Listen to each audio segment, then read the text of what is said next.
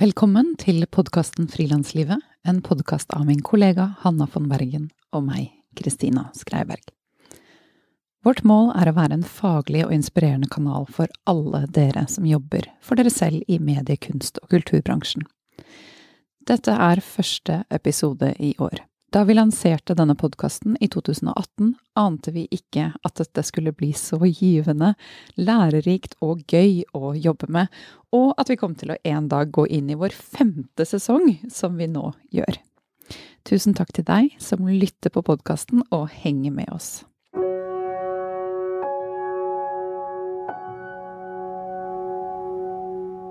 Ukens annonsør er regnskapsprogrammet Fiken. Hanna og jeg vi går nå inn i vår femte sesong av Frilanslivet. Og Fiken de har vært med helt fra starten. Og de var gira på å være med som annonsør til og med før vi hadde lansert, da vi gikk til dem med denne ideen. Og det er eh, veldig kult, syns vi, når man kan samarbeide med andre som vil det samme som deg selv. Både vi og Fiken ønsker å gjøre frilanseres og småbedrifters hverdag enklere. Så dere, la dere gjerne inspirere. Team opp med andre som vil det samme som dere, andre aktører dere virkelig tror på og bruker selv, som vi gjør med fiken. Vi sverger til det regnskapsprogrammet, fordi vi føler at det gjør regnskapet vårt og frilanslivet vårt lettere. Har du lyst til å prøve fiken gratis i 30 dager? Gå inn på fiken.no. I dag så skal vi snakke om ytringsfrihet. I lys av at Russland gikk til krig mot Ukraina 25. februar 2022, som er et direkte angrep på demokratiet, skal vi i denne episoden lære mer om ytringsfrihet, som er en forutsetning for et fungerende demokrati. Russlands krigføring har også ført til boikott og utestengelse av annet russiske kunst- og kulturaktører. Så vi lurer, hvordan står det til med ytringsfriheten i Norge? Og hvilke utfordringer står vi overfor?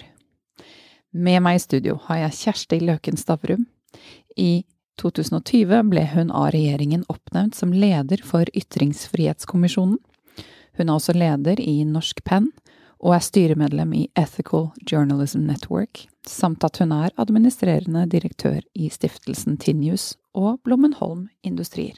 Kjersti har jobbet som journalist i Aftenposten i mange år, blant annet som redaktør av A-magasinet. Hun har vært generalsekretær i Norsk Presseforbund og vært leder av Oslo Redaktørforeningen. Hei, Kjersti. Hei.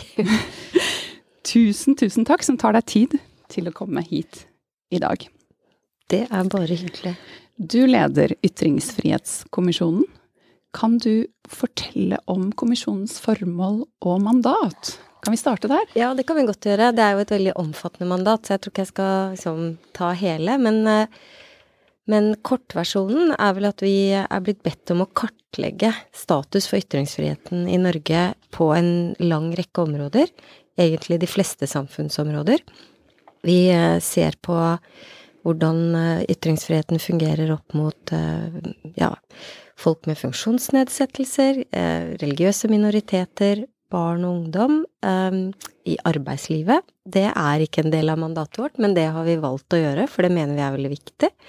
Uh, og, og, ikke minst ser vi jo på ytringsfrihet for um, Sett opp mot uh, de store teknologiselskapene, eksempel. Så vi har, um, har et svært område å jobbe på, og, det vi har erfart i løpet av de to årene som vi har vært i virksomhet, er jo at det, det skjer ting hele tiden som aktiverer og måte vrir på problemstillingene innenfor alle disse områdene. Nå startet du med å snakke om Ukraina, og det er jo et, nok et eksempel for vår del på, på hvordan, ja, hvordan da eh, aktualitet og nyhetene påvirker eh, mandatet vårt, og da kanskje særlig det som går på desinformasjon, som vi også har, eh, har i mandatet vårt, da.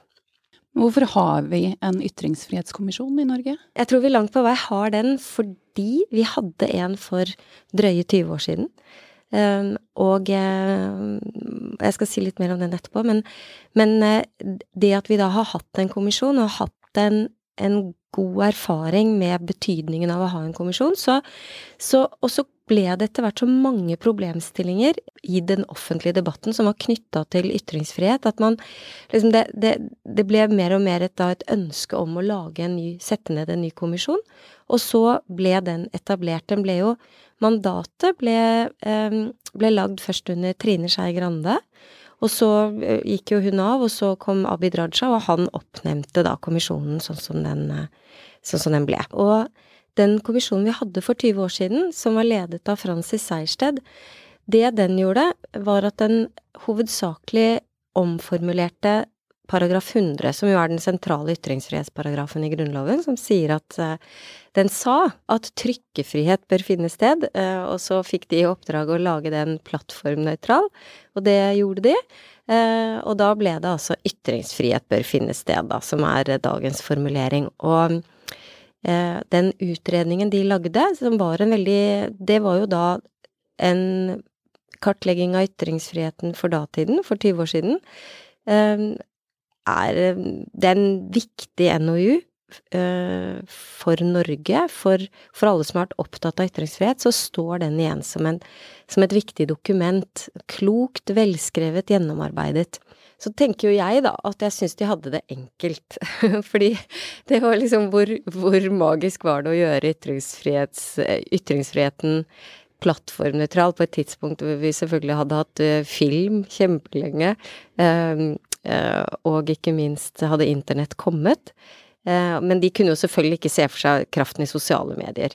Eh, så Eller det vil si, det kunne de kanskje gjort. De sier et, på et sted i denne utredningen som jeg syns er et veldig morsomt, interessant, og det er også mitt favorittsitat fra den NOU-en, er at tenk hvis alle skulle kunne diskutere med alle. Da hadde det blitt en kakofoni som hadde vært å sammenligne med et, et diktatur, ikke sant. Og det, eh, det, had, det, det, har du jo langt på vei rett i, men det er jo der vi er nå. Eh, og det er jo ikke noe tvil om at sosiale medier har omdefinert veldig mye av utfordringene som er knytta til, eh, til ytringsfrihet, men det har jo hovedsakelig, syns jeg, da, eh, vært et enormt demokratiserende og verdifullt bidrag til den offentlige samtalen.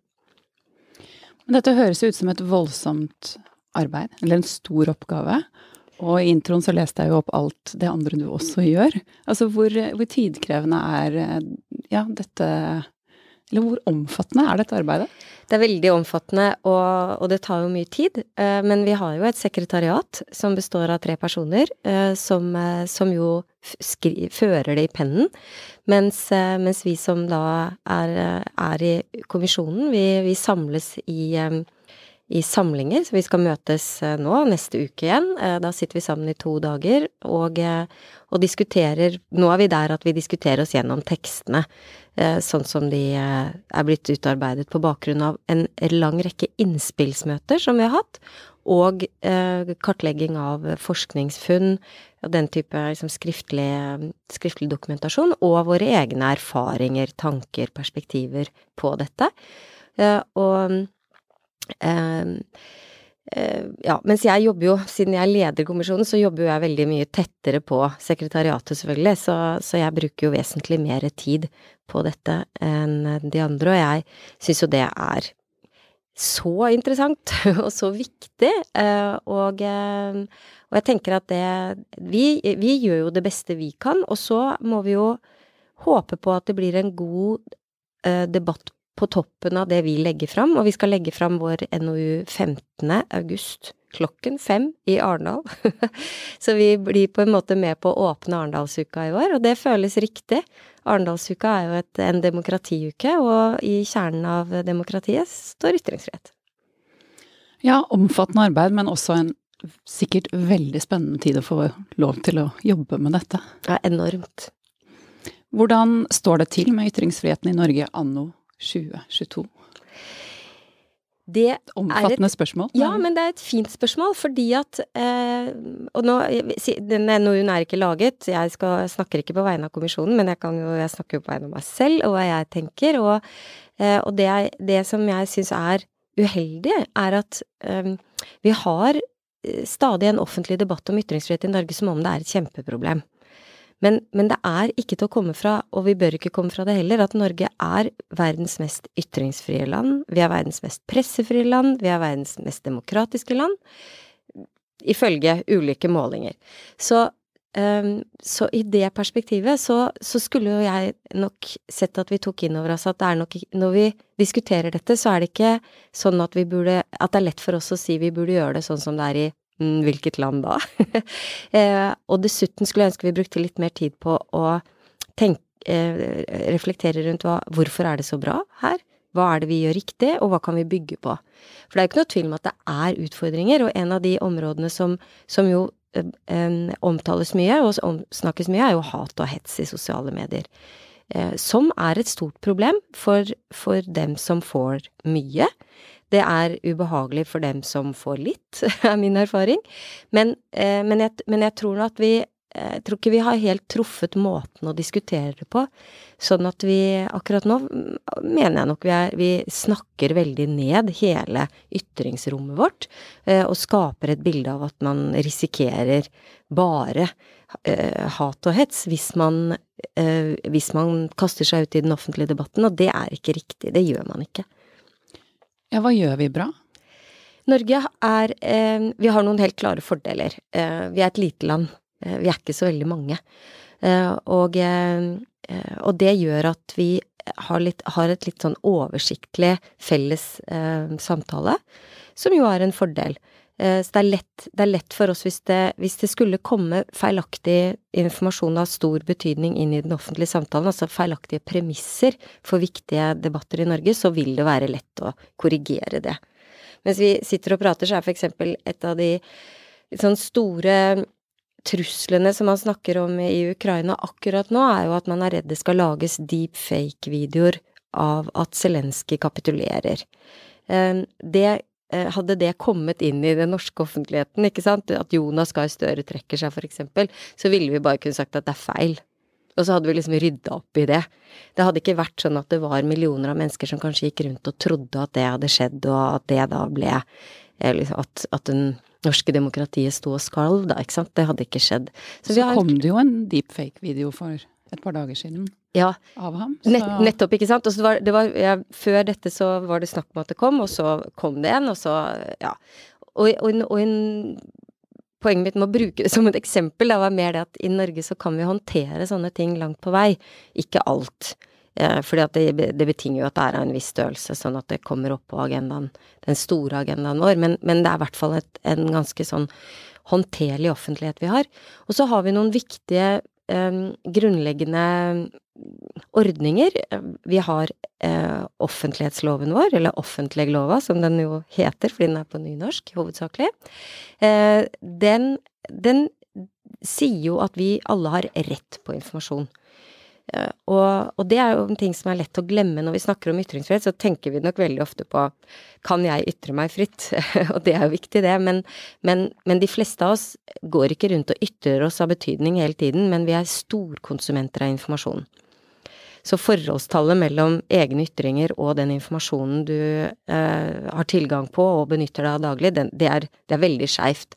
Så det er viktig viktigst for ytringsfriheten er jo tilgangen på informasjon. Det vil si at vi får eh, at vi, Særlig dette da, at vi, at vi, har rett til å be om å få innsyn i, i det staten driver med.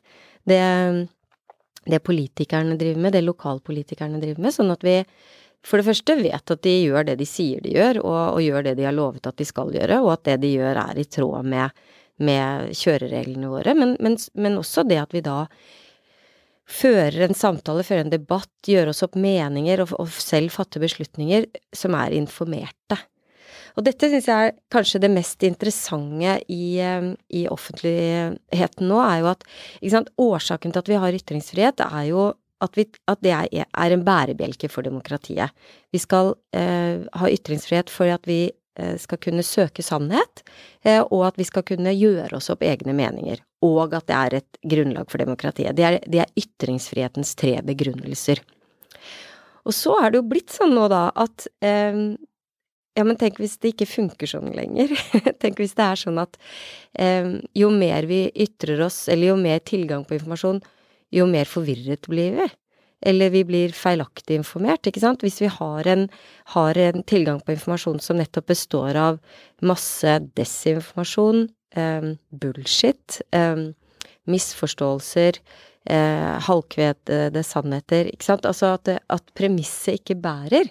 Eh, da er jo ikke jo mer ytringsfrihet, jo mer demokrati. Da er det jo rett og slett sånn at hm, kanskje vi burde stramme inn her.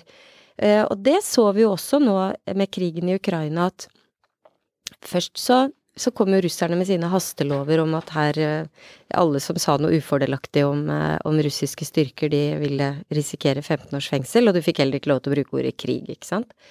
Og det er jo forkastelig. Det, det skjønner jo vi med en gang.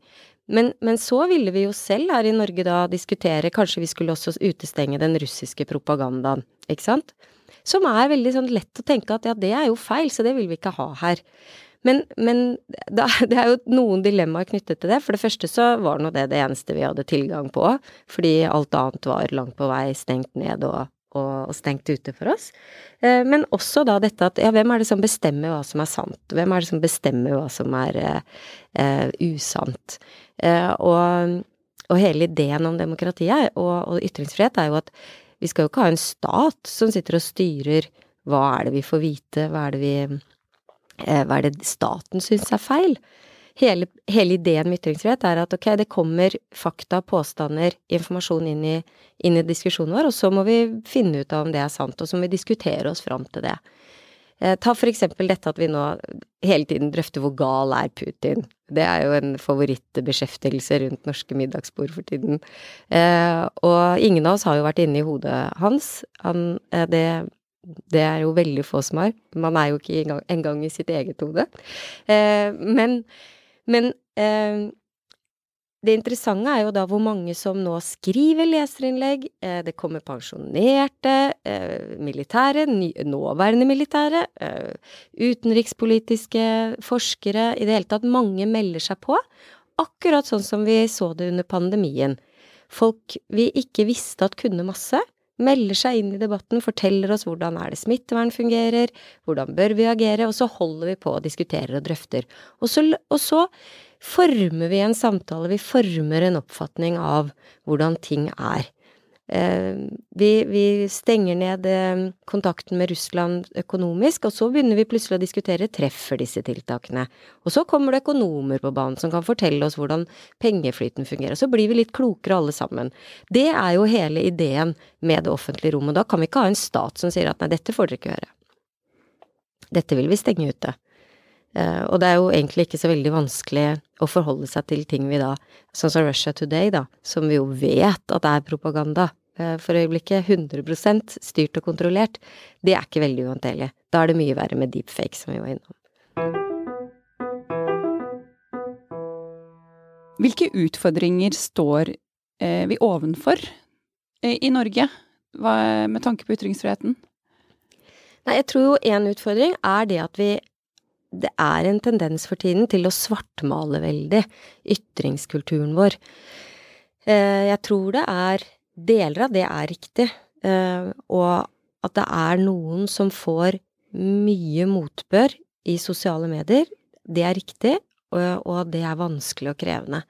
Men jeg tror likevel vi må zoome ut og se at det faktum at eh, veldig mange fortsatt diskuterer veldig mye i sosiale medier, det er nok et tegn på at de fleste Eh, likevel har en fordel av å kunne gjøre det. Og så, og så, er det rett og slett sånn at vi kommer aldri til å gå tilbake til en situasjon der vi, hvis vi hadde noe på hjertet, satte oss ned og var prisgitt å skrive et leserinnlegg til avisen. Eh, og så kunne vi sende det til avisen, og så kunne vi håpe at det kanskje ble tatt inn, men det ble det sannsynligvis ikke fordi det var liten plass. Vi, det, det kommer jo ikke til å skje. Eh, så den demokratiseringen av både ytring og eh, tilgang på informasjon, tar vi den for gitt? Ja, det, det tror jeg absolutt vi gjør. Eh, og, og, det er jo fint, eh, for, det, for det, det, skal vi jo gjøre også. Det er en Ytringsfrihet er en menneskerett, eh, og det er en rettighet vi har i grunnloven vår. Så, så, det er klart at vi skal jo ta det, for, ta det, som en selvfølge, men at vi er kanskje ikke så reflektert rundt hva det innebærer at vi tar det som en selvfølge.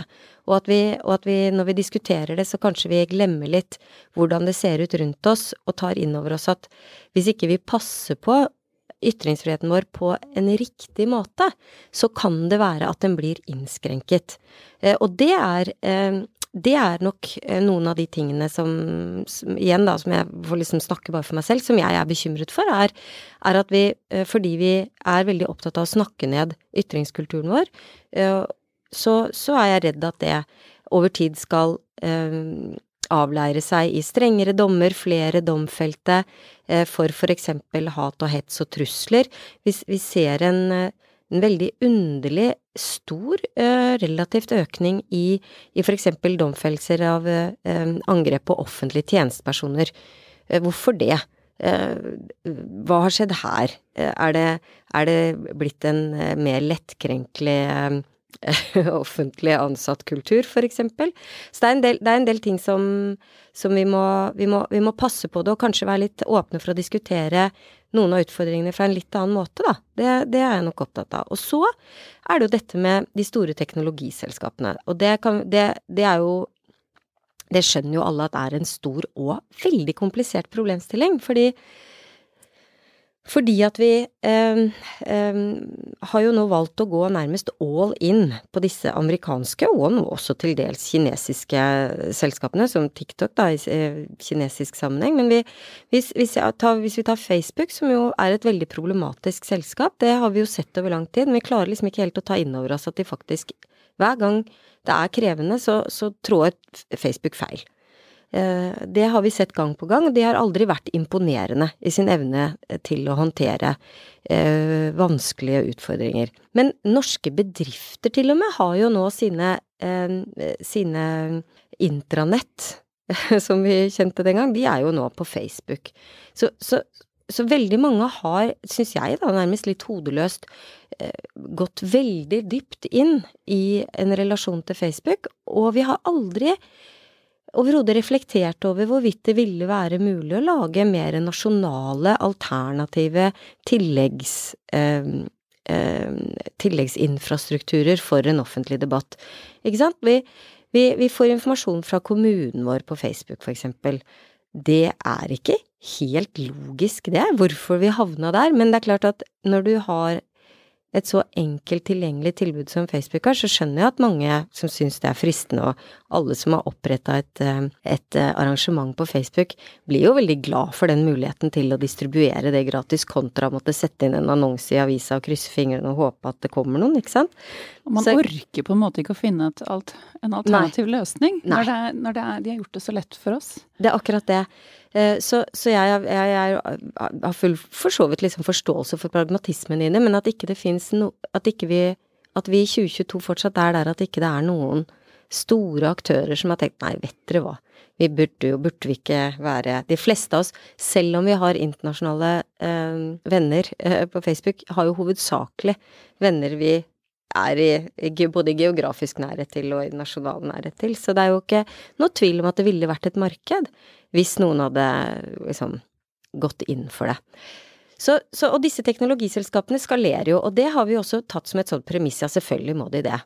Og altfor lenge har vi kjøpt det eh, som en sånn ja, ja, men vi kan jo ikke ødelegge for de, for da får de ikke skalert. Men problemet er jo at når du skalerer, da, så høres det veldig bra ut, men, men i et demokratisk perspektiv så vil jo det si at det som funker i Norge, det skal også funke i Saudi-Arabia. Og det gjør det jo ikke. Så vi har i altfor alt, alt lenge sto vi på en måte med, med, med, lua litt i hånda og aksepterte at vi, måtte, at vi her ikke fikk for eksempel da vise helt naturlige bilder av det, det som er ofte brukt eksempelet, det å amme et barn, ikke sant, at det kunne ikke Facebook tåle fordi at det var nakenhet, eller nikk ut-bilder fra Vietnamkrigen, som vi også husker veldig godt, eh, at det ble tatt vekk, mens det å posere med en haug av våpen, det var helt greit, fordi at det syns Facebook Amerika var greit. Så, sånn at vi det er, det er masse, masse dilemmaer eh, knytta til det at vi har internasjonal infrastruktur, og jeg, jeg syns at vi i Norge har vært altfor hatt for lite stolthet til det vi vi er satt til å ivareta her, nemlig verdens beste ytringsfrihet og verdens beste pressefrihet. og det, det, håper jeg jo at vi kan klare å, å få litt mer på, på banen, da. Sånn litt stolt av den norske ja, modellen. ja, ja, men den norske modellen, den nordiske modellen også for den del, fordi Norden har jo det til felles at vi har disse gode offentlighetslovene. Så vi er jo transparente samfunn. Og det er ganske interessant å gå til Danmark, da. Danmark har også vært en del av denne Vi tenker ikke så mye over det, og vi går med flowen, og vi eh, Det er nå det det er i denne teknologiutviklingen. Men så får du jo eh, Margrethe Vestager, danske først konkurranse Eh, kommisjonæren eh, og jobber og begynner å utfordre disse selskapene innenfor konkurranserettslige regler. Og nå er hun jo viseleder for kommisjonen og jobber fortsatt med disse tingene. Og, og fortsetter jo dette arbeidet for å ansvarliggjøre teknologiselskapene. Og så har de også Danskene har eh, en kvinne som heter Sjaldemose, som da har vært saksordfører i Europaparlamentet for den loven som nå kommer uh, i løpet av dette året her, som heter Digital Services Act, som vil for første gang ha en mer helhetlig regulering av, uh, av teknologiselskapene. Og det, det, er for øvrig derfor vi fortsatt jobber i kommisjonen. Vi skulle egentlig levert 1. mars, men vi ønsket å vente så lenge som mulig på denne loven.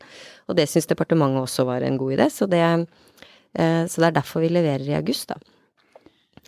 Eh, og, og de, disse tingene har ført til at danskene også selv har på en måte stått opp, lagd, lagd Først så laget de en ganske sånn enkel og kan man kanskje si en naiv rapport som var litt sånn dette er idealene for vårt ytringsrom. Vi ønsker at disse prinsippene skal stå fast. Og i det øyeblikket du har knesatt det, så er, det, liksom, er vi enige om, hva, hva, er det vi ivaretar her i vårt land? Og så har de begynt å jobbe mye mer systematisk for å Altså hvordan kan vi da ansvarliggjøre disse selskapene, sånn at vi, vi, får en offentlighet vi faktisk skal ha, som følge av at vi er de landene vi er.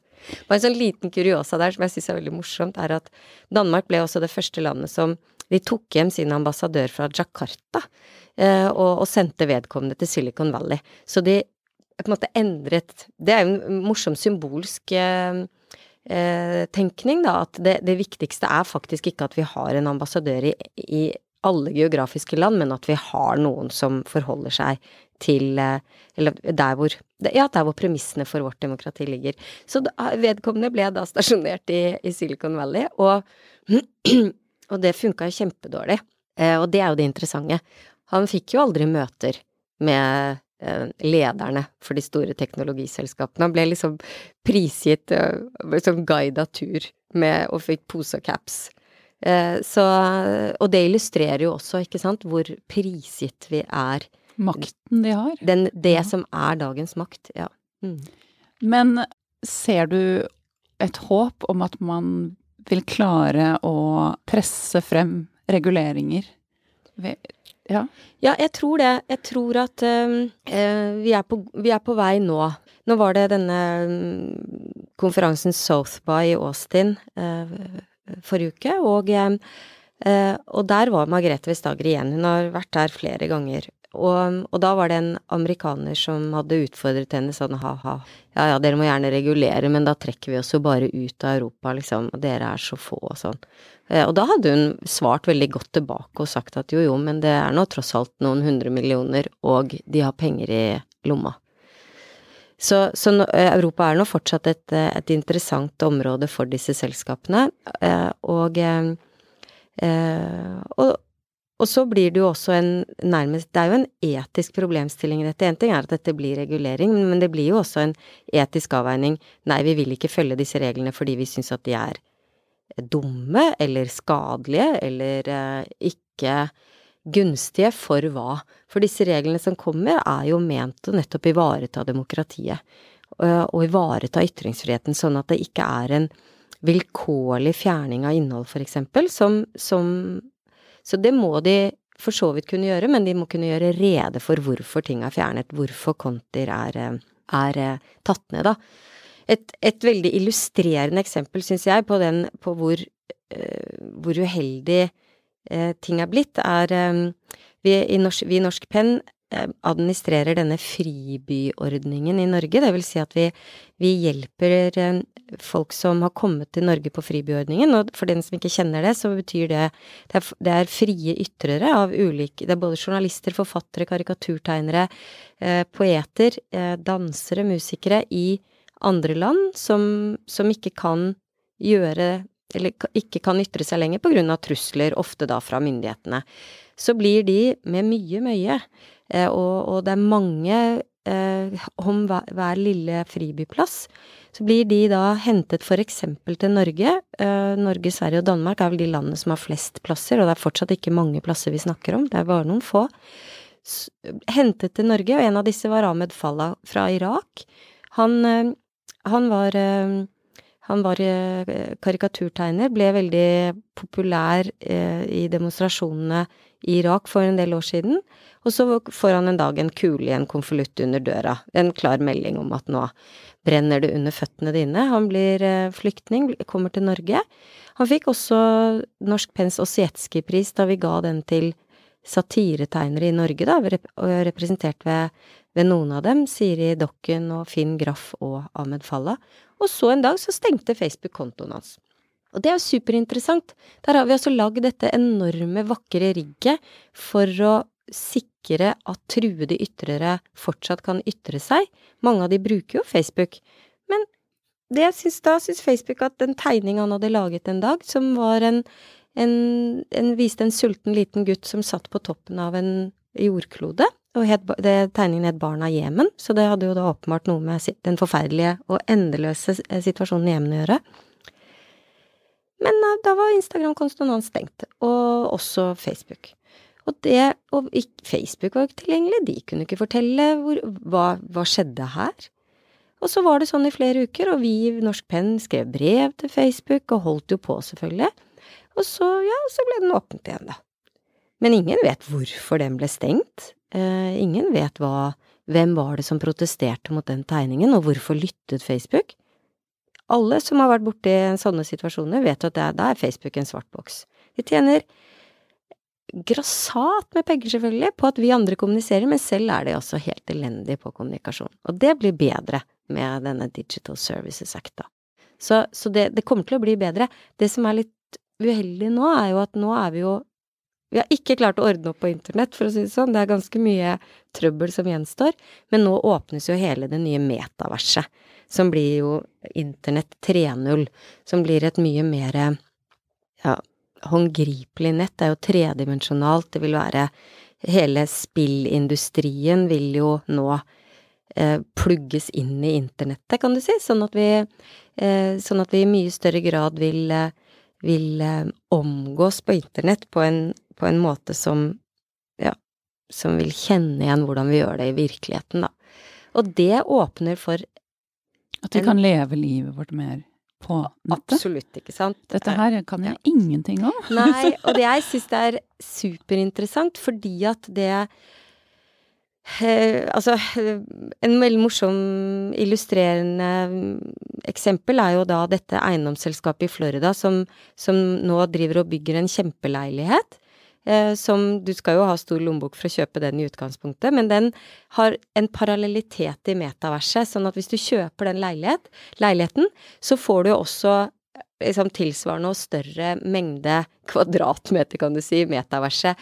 Og det vil jo si da for eksempel at hvis du har en del venner som du har fått opp gjennom livet, og som du har lyst til å invitere på fest, da, så kan du invitere dem i din metaversleilighet, og så kan vi alle vise Og da må vi jo men man sitter hjemme i sin egen stue. Vi sitter hjemme i vår egen stue, ja. Men vi er med på festen via en avatar, da, som vi har lagd. Eh, og så kan vi da eh, Eller så kan du da ha alle dine venner som du har fått gjennom hele livet, kanskje, for da er det jo plass til relativt mange. Og du kan jo bare dikte opp serveringen, så du slipper jo på en måte å håndtere det rent praktiske. Eh, og så, eh, ja, vil du ha en heidundrende fest i, i metaverset, da. Men hvem ivaretar vet ikke, kulturen der inne?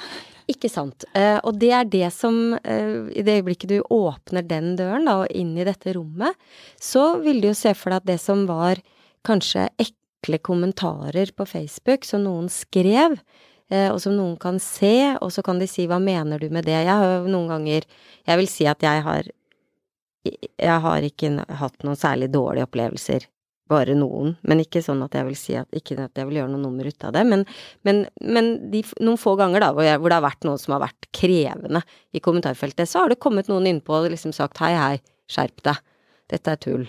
Eh, mens i metaverset så vil det være noen som ikke så at du ble forsøkt voldtatt, ja, av, din avatar ble angrepet av en annen avatar.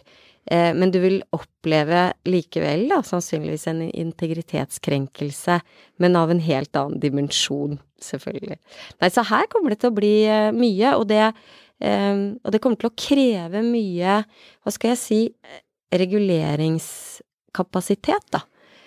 Så ja, så hvis vi var slitne av dette nettet, så, kan, så blir det nye, nye muligheter for å anstrenge seg i det neste.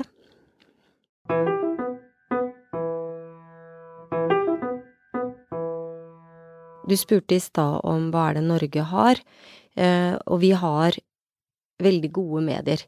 Det er også, en, det er også noe som vi i liten grad, syns jeg, er veldig bevisst, men eh, Og så, kan, så er det jo De norske mediene er i en særstilling i verden fordi at de følger et sett felles etiske regler som de står sammen om, som de forvalter uavhengig av staten. Det er et helt uavhengig system, eh, og, og de er lojale eh, til de fellesene som skjer i Pressens faglige utvalg. Det er ikke mange land som har det systemet. Veldig mange tror at alle land har sånne systemer, men det har de ikke. Finland kommer veldig nært det norske.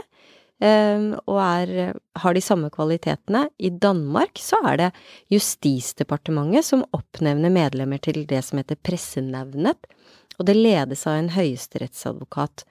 Eh, og det er en stor forskjell, fordi at det betyr i prinsippet at danske medier er ikke fri i den sammenheng som, eller den forstand som de norske mediene er det.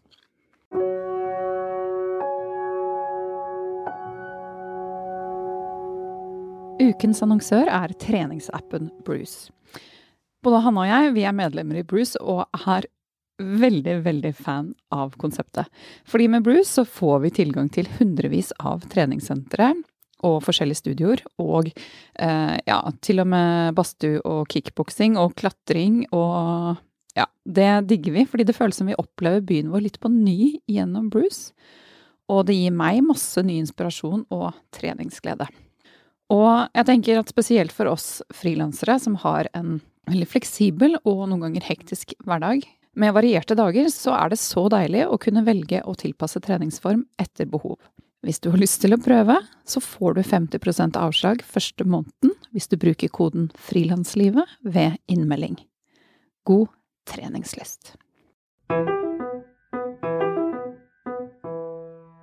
Jeg vil gjerne snakke litt om den kunstneriske ytringsfriheten. I Fritt Ord-rapporten 'Kunstnere vurderer ytringsfrihet 2020' svarer 40% av kunstnerne som deltok, at personlige belastninger med å stå frem i offentligheten var noe de var berørt av i stor grad. Mens 37% svarte at det var risiko for å bli gjenstand for hatefulle ytringer i sosiale medier. Og disse tallene er målt opp mot tall fra 2014, da bare 13% mente at hatefulle ytringer på sosiale medier var et problem.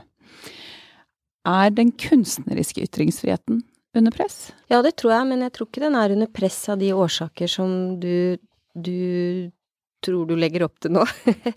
Helt andre ting? Ja, jeg tror at den er Jeg tror det er eh, mange årsaker til at det er det, det, er mye mer eh, den utfordringen, tror jeg, internt i kulturmiljø, eh, kulturmiljøet. Jeg tror man passer ganske godt på hverandre i kulturmiljøet. Eh, jeg tror ikke man risikerer så mye i en offentlig debatt om kunstverk. Men det som jeg syns er interessant med den rapporten du trekker fram, er at den rapporten er Det er vanskelig å vite hva som er dokumentert i den rapporten, fordi der i den er det står det ingenting om svarprosent. Det står ingenting om da feilmarginer som følge av det. Eh, og det er også eh, vært eh, Noen av de tallene som brukes fra den rapporten, er tatt ut fra undergruppen der scenekunstnere svarer på underspørsmålene, og og, og, og det, det eneste jeg vet om det, er at det der er det ikke så mange som har svart, der er det bare 178 personer som har svart, for eksempel. Så og det, jeg, jeg, sier dette fordi jeg mener det er en del av årsaken til at vi snakker ned det offentlige, den offentlige debatten vår og ytringsrommet og ytringskulturen, og det er at mange av disse undersøkelsene, for vi har gått gjennom nemlig alle i kommisjonen, eh, og veldig mange av disse undersøkelsene, de lider De har store metodiske problemer. Eh, de pretenderer å være noe de egentlig ikke er, hvis man følger prinsipper for Eh, for, for eh, statistisk metode.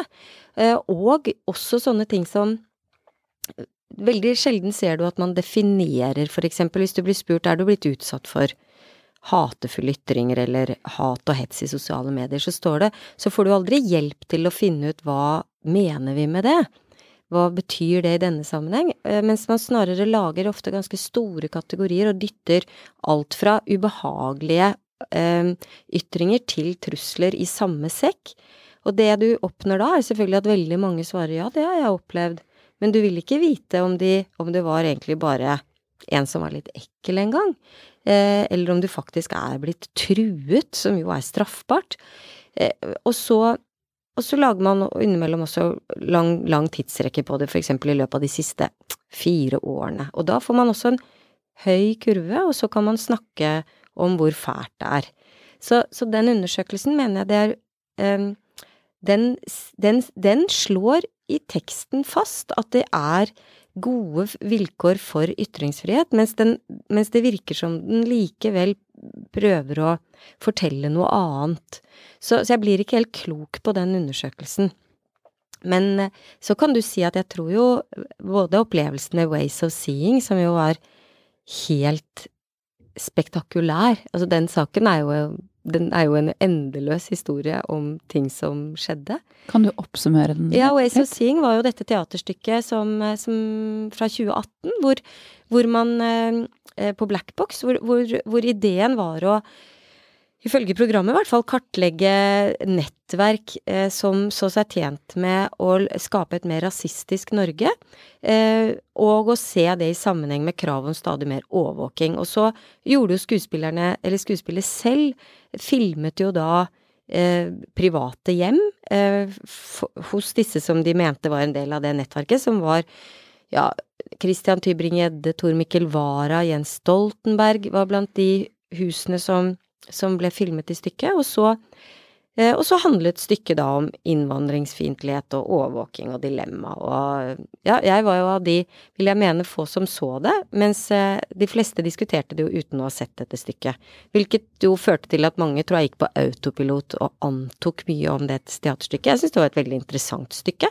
Jeg er veldig opptatt av overvåking, og synes, likte godt problematiseringen av det, ikke minst det at Ketil Lund Uh, Høyesterettsadvokat Ketil Lund, som jo sto bak Lund-kommisjonen i sin tid, som avslørte ulovlig overvåking i Norge, han var jo Skuespiller var han vel knapt nok, men han var en del av, stykket. Han, deltok jo der og, snakket om, og advarte mot å være blind og sløv for den overvåkingen vi alle er blitt en del av. Og uh, så sånn sett så syns jeg stykket var viktig, men så var det jo da dette at det skapte masse reaksjoner, uh, og så var det da kona til Tor Mikkel Wara som eh, til syvende og sist eh, ble tiltalt og dømt for å ha iscenesatt angrep på seg selv eh, for å for å komme dette stykket til livs, da. Så det ble jo veldig komplekst, hele greia. Ja, for en Ja. altså. En suppe.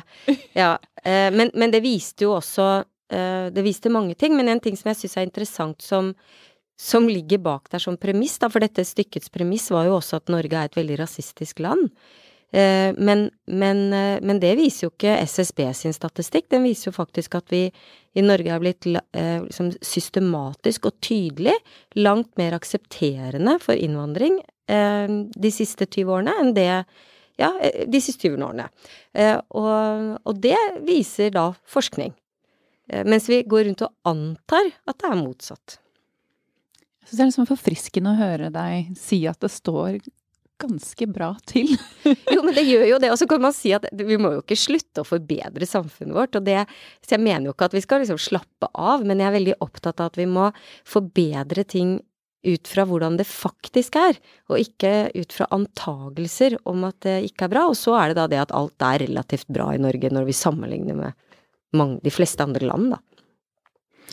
Men eh, skaperne av Ways of Seeing, eh, de ble eh, Hva heter det? De, de ble jo siktet, eller de, de ble anmeldt eh, for eh, for eh, for å priva, brudd på privatlivets fred, da. Eh, og det, det, var jo også en Jeg mener, det er jo en helt utrolig skamplett at politiet er da hjemme og ransaker hos eh, da, en av dem. Det, det må jeg si, det var uvirkelig. Og eh, Men hva sier det om ytringsrommet vårt? Nei, det, og det, det, det Eller var dette en sånn såpass enkelt en, en sprø enkelthendelse. Det var en sprø enkelthendelse, det var jo faktisk det, men samtidig så skjedde det jo. Eh, og, og, som sådan så, så, skal det jo kritiseres, og, eh, og man skal bli sjokkert over det. Og Jon Wessel Aas, som var advokat for, for, disse, han var jo også veldig tydelig og sa jo at dette er jo helt uhørt, og det var det. Og, øh, og jeg skjønner jo at når en sånn hendelse finner sted, mot noen du kjenner, du er, føler deg beslektet med fordi du er utøvende kunstner, så er det klart at man blir urolig. Det, det er jo nettopp også en del av hvorfor politiet går inn og, og, og berører ting som har med ytringsfrihet å gjøre, er jo, er jo nettopp at man, man ønsker å slutt, få en slutt på den type ting. Man, man ønsker å sette ned foten, ikke sant, når, når Høyesterett tar saker, prinsipielle saker om hatefulle ytringer, for eksempel denne veldig kjente dommen om eh, kakerlakkdommen, ikke sant, hvor det ha deg til, kom deg tilbake, eller fanden svarte avkom, kom deg tilbake til Afrika, din eh, kakerlakk. Eh, så, så, er jo det for å vise folk at sånn så, Ikke bare den ytringen er forbudt, men bare så dere vet det, den type ytringer er forbudt. Det er straffbart. Eh, så man ønsker jo å skape en nedkjølende effekt til en viss grad, og så er det jo alltid veldig farlig hvis man skaper for stor nedkjølende effekt, sånn at vi alle blir veldig redd for å skrive ting som faktisk er lov å skrive at det er lov å ytre seg for eksempel innvandringskritisk, men du har ikke lov til å angripe enkeltpersoner på grunn av deres etniske eh, eller religiøse tilhørighet. Hvordan kan vi som jobber i kultursektoren bidra inn for å styrke ytringsfriheten? Det beste alle i kultursektoren kan gjøre, er å bruke ytringsfriheten for hva den er verdt. For hvis det er noen som, som skal ha ytringsfrihet, som trenger ytringsfrihet, og som bør være storforbrukere av ytringsfrihet, så er det jo eh, kultursektoren. Og, og, vi er jo mange som er villige til å, til å kjempe for den friheten og stå opp for den friheten, men, men, eh, men, men det er de utøvende kunstnerne som, som må pushe den, da. Altså, ytringsfrihet er ikke det å kunne ytre seg. Altså, det er en alminnelighet. Det er, et, det er liksom Ja, vi kan jo alle ytre oss. Ytringsfrihet er jo det når, når det støter an mot noe etablert, noe vi antar er sant, et perspektiv som er innarbeidet. Det er, det, det er jo når, når, veggene liksom knaker. Det er, det er det som er ytringsfriheten. Um, men ikke for å Ikke for å hetse noen, ikke for å krenke noen, men for, fordi eh, eh, det er for å, ja, for å utvide våre erkjennelser, da.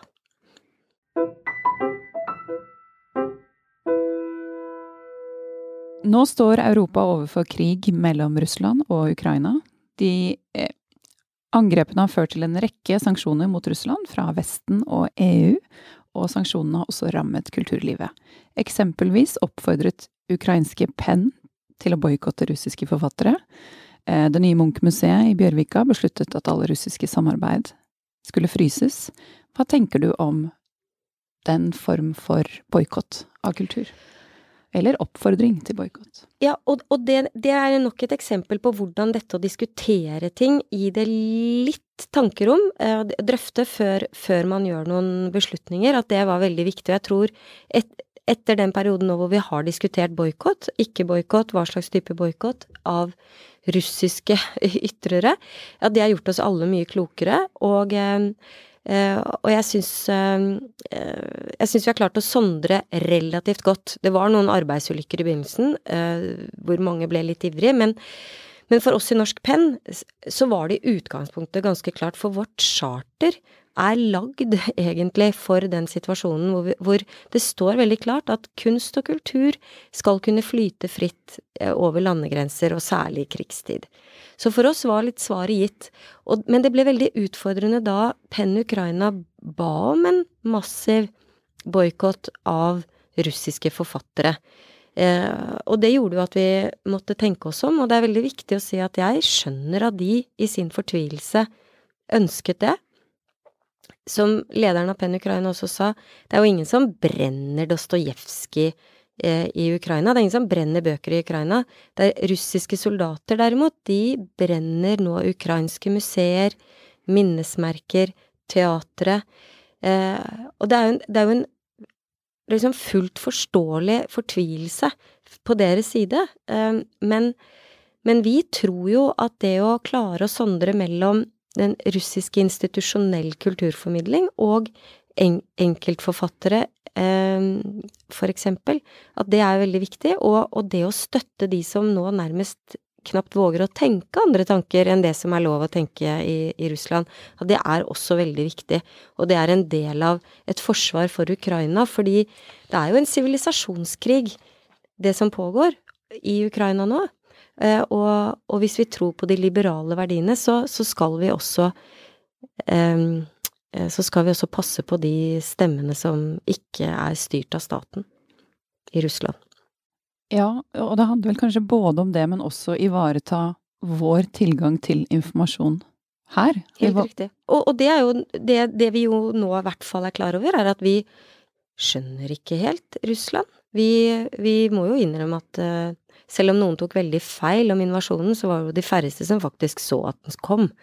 Eh, og, eh, og, så det å forstå det russiske eh, er jo ikke helt uten verdi. Det blir desto viktigere. Mm. Putin gikk jo forleden ut og stemplet kritikere som avskum og forrædere.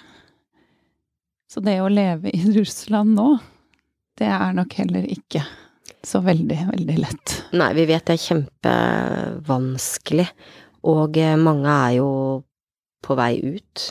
De stemmene som kunne talt mot de Og etter den siste talen så er det jo bare Det er jo rene, blanke trusler mot enhver stemme eh, som, som reiser seg, og det Så kan man selvfølgelig se alt dette som uttrykk for svakhet. Men jeg tror ikke jeg ville våget det hvis jeg var en russisk dissident nå, nei. Tusen, tusen takk, Kjersti. Takk for at jeg fikk komme. For at du kom, ja. Tusen takk. Kjære lyttere, fred og ytringsrom være med dere. Det er nå mindre enn 20 av verdens befolkning som bor i frie land. Hvor valgene er frie, hvor befolkningen har ytringsfrihet og individuell autonomi.